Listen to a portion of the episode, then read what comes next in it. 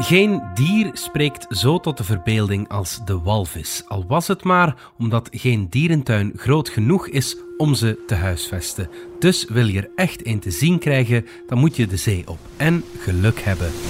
Humpback whales. Traveling the high seas from their polar feeding grounds to the tropics where they breed. In de literatuur eten walvissen koppige profeten op en vindt Pinocchio zijn vader terug in de buik van een walvis. Maar wat walvissen echt eten en vooral hoe ze eten, dat wisten we tot voor kort niet echt. En laat dat menu van de walvis nu net belangrijk zijn voor het klimaat. Over het nut van de heersers van de oceaan sprak collega Marie Garé met Tom Isebaard van onze wetenschapsredactie.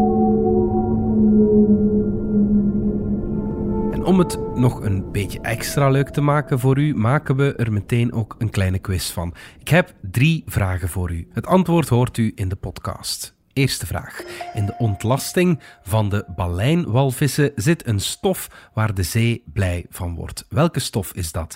Is dat A. ijzer, B. kalk of C. amber? De tweede vraag.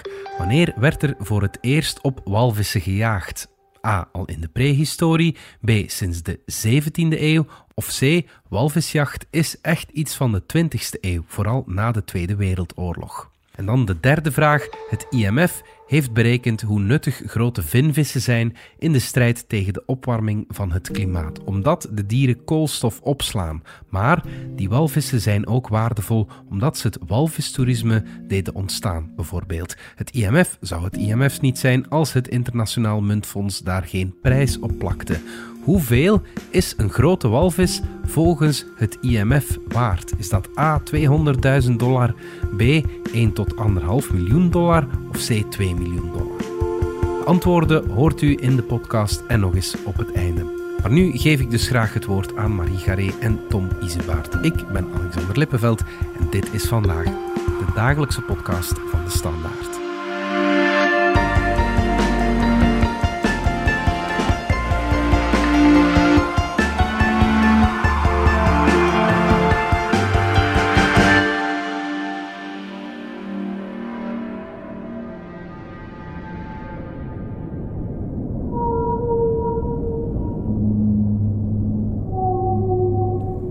Tom Isebaert van onze wetenschapsredactie.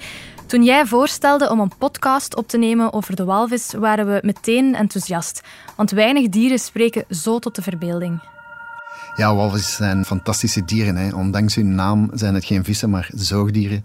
En wel de grootste die er op aarde leven.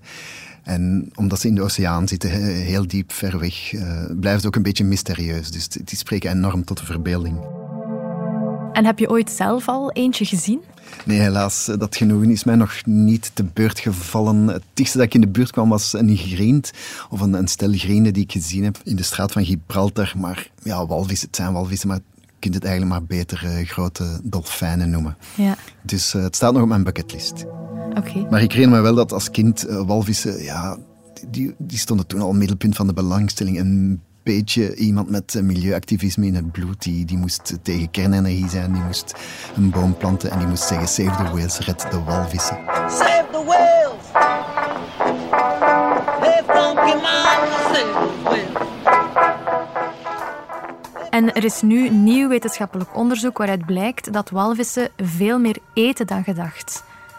Ja, wetenschappers hebben ontdekt bij een uh, walvissenpopulatie in het zuiden van de, van de oceaan dat uh, eigenlijk veel meer eten inderdaad dan we dachten. Hè. Tot, tot drie, vier keer meer. Vroeger ging men ervan uit, uit analyses van hun maaginhoud, dat uh, ongeveer 5% van hun lichaamsgewicht per dag opvraten.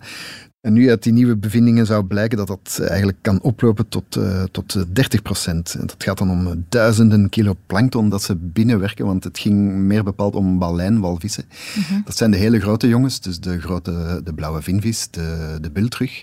En die hebben geen tanden, die hebben zo'n soort filter in hun mond, hè, wat, we, wat we balijnen noemen, waarmee dat ze enorme hoeveelheden zeewater filteren en er de hele kleine diertjes uitfilteren om op te eten. Hè. Die diertjes of, of ook plantjes uh, noemen we plankton dat is dus de, eigenlijk de basis van de voedselketen. Ja, en wat heeft dat te maken met het klimaat? Wel, eh, omdat zij dat opeten, dat doen zij dan vaak op grotere dieptes in de zee of in de oceaan. Maar ze moeten ademhalen. hè. We hebben het gezegd, het zijn zoogdieren. Ze moeten vroeg of laat toch naar boven komen, aan de oppervlakte van de zee komen ademhalen. En op dat moment ontlasten ze zich. En in die uitwerpselen, in die walvispoep, zit dan enorm veel eh, nutriënten. Dus, dus eh, dingen die, die voeding geven aan het leven in zee. Dat kan dan gaan over stikstof, maar ook om ijzer. En ijzer is een stuk zeldzamer. Dus het feit dat zij dat uitscheiden op die plek is uitstekend goed nieuws voor het eh, plantaardige plankton, want eh, die, die, die voeden daarop. Oké, dus het is eigenlijk een beetje een systeem waarin alles aan elkaar hangt. Je zou denken, walvissen die eten de zee leeg. Zeker als er nu uit nieuw onderzoek blijkt dat ze veel meer eten dan gedacht. Maar dat is absoluut niet waar. Dan hoe meer walvissen, hoe beter voor het milieu. Ja, het, het kan een beetje paradoxaal klinken, maar het is een, een fascinerende kringloop. Hè. Dus zij scheiden die voedingsstoffen uit.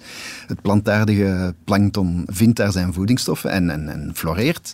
En dat is dan op zijn beurt weer eten voor ander plankton, dierlijk plankton. En meer bepaald krill, dat zijn van die hele kleine garnaaltjes, zeg maar. Die eten het plantaardige plankton op. En als er veel is van het ene, komt er, komt er ook veel van het andere. En komt er meer dierlijk plankton. Dat is weer meer voedsel voor die walvissen die die opeten, opnieuw uitscheiden. Weer als voedsel voor die planten enzovoort. Dus het is een, het is een eh, geweldig goed draaiende kringloop.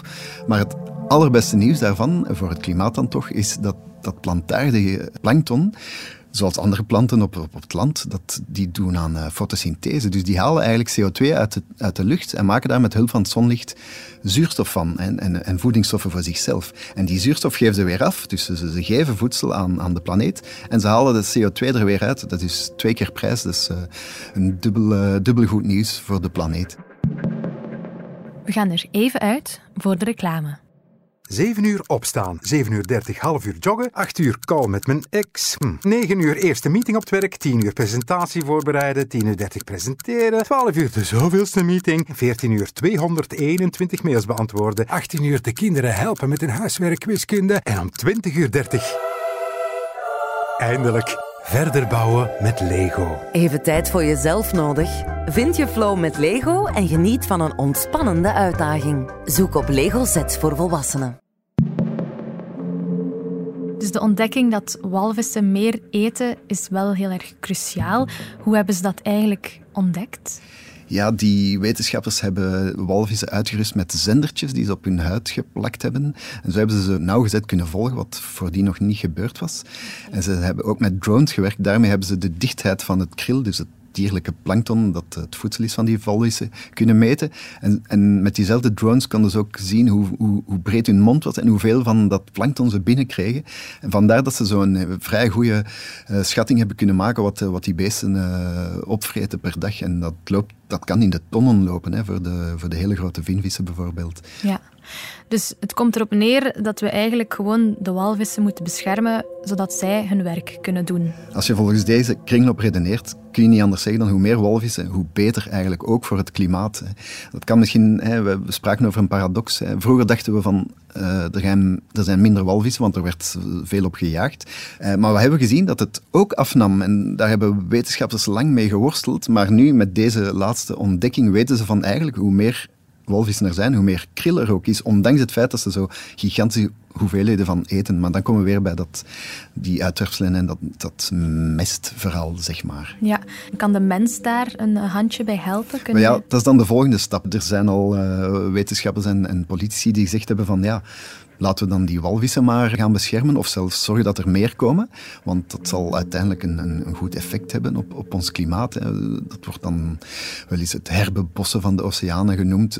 Naar analogie met de bossen die we gaan moeten planten, ook voor het klimaat. Maar eigenlijk is dat eh, plantaardige plankton. Is dat tot veel meer in staat nog dan de bossen op, op, op, eh, op land. Dus eh, dat is misschien niet zo'n vergezocht idee. Al is de term herbebossen hier misschien niet goed. Hè. Anderen spreken van het bemesten van de oceaan. Dat komt er misschien al een beetje dichterbij. Want je zou kunnen het ijzer dat in die uitwerpselen zit ook manueel gaan uitstrooien. Daar zijn ook experimenten mee geweest. Sommige wetenschappers pleiten daarvoor, denken dat dat een mogelijke oplossing is. Maar eh, er zijn een paar experimenten geweest, hè, zowel wetenschappelijk als commerciële, die hebben gemengde resultaten opgeleverd. En er zijn natuurlijk tegelijk ook critici, mensen die zeggen van let daarmee op, ijzer in zee strooien. Het kan ook eh, ongewenste neveneffecten hebben. Eh, bijvoorbeeld, het kan zoveel algen doen ontstaan dat, dat er dan ook eh, giftige substanties vrijkomen. Dus dat willen we dan ook weer niet. En anderen zeggen dan ook weer van ja, het, het effect op, op CO2 zal uiteindelijk toch niet zo groot zijn. Dus daar is nog wel een beetje controverse over. Ja, het is misschien een doos van Pandora die dan geopend wordt. Het, eh, altijd opletten met ongewenste neveneffecten. eh eh, dozen van Pandora, die willen we inderdaad niet Ja. openen, ook niet Ja. in zee. Dus onze beste hoop is eigenlijk om bij, gewoon bij de walvis te blijven. Hoe is het eigenlijk gesteld met de walvispopulatie? Ja, er waren ooit heel veel meer walvissen. Hè. Er wordt al heel lang op walvissen gejaagd. Sommigen zeggen dat dat al van in de prehistorie zou het geval geweest zijn. Het is zeker vanaf het jaar 1000 eh, intensiever geworden. En de echt industriële walvisjacht, ja, dat is eigenlijk al begonnen rond de jaren 1700, maar heeft zijn hoogtepunt gekend in de vorige eeuw, de 20e eeuw. Toen zouden waarschijnlijk misschien zelfs 2 à 3 miljoen walvissen eh, gesneuveld zijn. Dus hun, hun, hun bestanden zijn toen pijlsnel eh, achteruit gegaan. Is er een schatting van hoeveel er nu nog ongeveer rondzwemmen? Ze doen het iets beter. Ja, in de jaren 80 van de vorige eeuw is de walvisjacht echt verboden. Ook al gebeurt het nog op kleinere schaal. Maar er zijn tekenen dat sommige soorten op sommige plaatsen het toch beter beginnen doen. Dus dat is goed nieuws. Sommige blijven nog altijd eh, met eh, uitsterven bedreigd. We moeten daar niet blind voor zijn. Maar als we die aantallen zouden kunnen opkrikken, dan zou dat inderdaad, als je dan gewoon de berekening maakt, een, een, een bepaald effect kunnen hebben op het klimaat. Daarover gaan de meningen misschien ook uiteen, maar ik heb hier één berekening, zou zeggen dat we dan 20 miljard ton CO2 uit de lucht zouden kunnen halen als we het, het leven in zee terug op het peil brengen van wat het was voor de grote walvisjacht en voor de grote overbevissing. Dus 20 miljard ton, dat is toch geen ja, klein dat bier. klinkt ontzettend veel. Is dat dan genoeg? Ja, dat klinkt inderdaad veel, maar ook dat moeten we een beetje relativeren. Eh, de mensen van het KNMI in Nederland hebben eens een berekening gemaakt. Ze, hebben de potvis als voorbeeld genomen. Eén potvis kan zowat 17 ton koolstof in zich opslaan. Een miljoen potvissen, dat geeft dan 17 megaton of, of miljoen ton koolstof. Maar als we dat dan afzetten tegen de wereldwijde uitstoot, dan betekent dat eigenlijk toch nog maar een schamele 0,17 procent. Dus de potvissen alleen gaan het klimaat niet redden, dat is wel duidelijk. Stel dat we de hun populatie nog optimaliseren. We tellen er nog eh, de koolstofopslag van eh, een, een aantal andere soorten bij op, dan halen we misschien wel 1%. Dat is nog altijd weinig. Maar ter verdediging van de zeezoogdieren kunnen we dan ook weer zeggen dat eh, de CO2-captatie-installaties die men nu her en der wil uit de grond stampen, dat die ook maar mikken op 1%. Dus eh, vergeleken daarmee doen ze het dan misschien toch nog niet zo slecht, Ja. onze walvis. Alle beetjes helpen, de populatie groeit en, en het is heel goed. Maar het is dus nog lang niet voldoende. Voor het IMF, het Internationaal Monetair Fonds, is een walvis zelfs 2 miljoen dollar waard. Ja, je kan die klimaatprestaties inderdaad altijd in, in cijfers en in geld uitdrukken. Hè. Zoals we zeggen van we gaan zoveel miljoen steken in herbebossing of het stoppen van ontbossing, kun je dat eigenlijk net zo goed zeggen van elke walvis die we redden is zoveel koolstof. En koolstof, daar kun je een prijs op zetten. En de mensen van het IMF zijn daar natuurlijk heel goed in. Ja, die 2 miljoen, zegt dat iets? Misschien nog niet zoveel, maar als er ooit een systeem komt van mensen die willen investeren in klimaat, al is het maar om hun uitstoot te compenseren, want dat is vaak de bottomline, dan zouden die zeggen, wij investeren zoveel miljoen in het behoud van walvissen en dat is goed voor zoveel koolstof en dat is dan weer, komt dan weer al eh, beter uit in hun, eh, in hun balans, zeg maar. Ja. Maar zou het zo simpel kunnen zijn? Gewoon investeren in de walvissen en eh, het komt wel goed dan? Ja, dat is natuurlijk de vraag van hoe gaan we dat dan doen. Hè? Er wordt minder op bejaagd, dat is al één ding.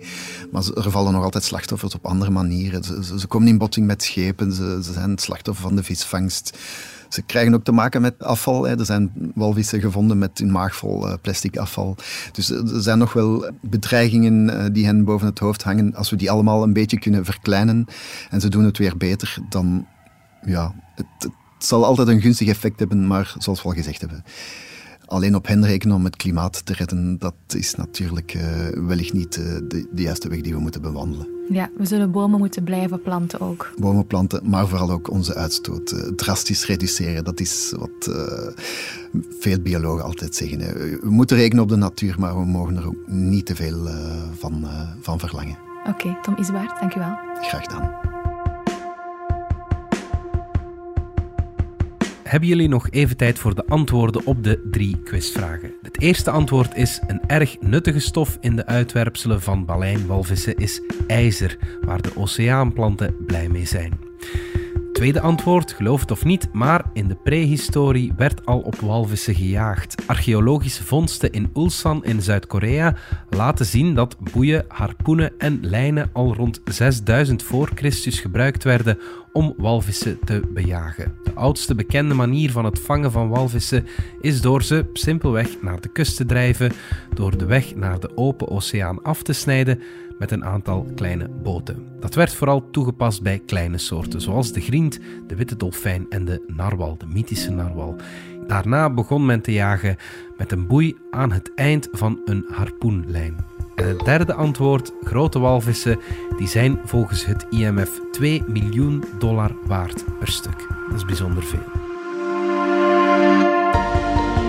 Dit was vandaag de dagelijkse podcast van de Standaard. Bedankt voor het luisteren. Ken je trouwens DS Podcast al, de podcast-app van de Standaard? Daar luister je niet alleen naar onze journalistieke reeksen, je krijgt ook elke week een eigenhandige selectie van de beste nieuwe podcasts op de markt. Alle credits van de podcast die je net hoorde vind je op standaard.be-podcast. Reageren kan via podcast.standaard.be. Morgen zijn we opnieuw.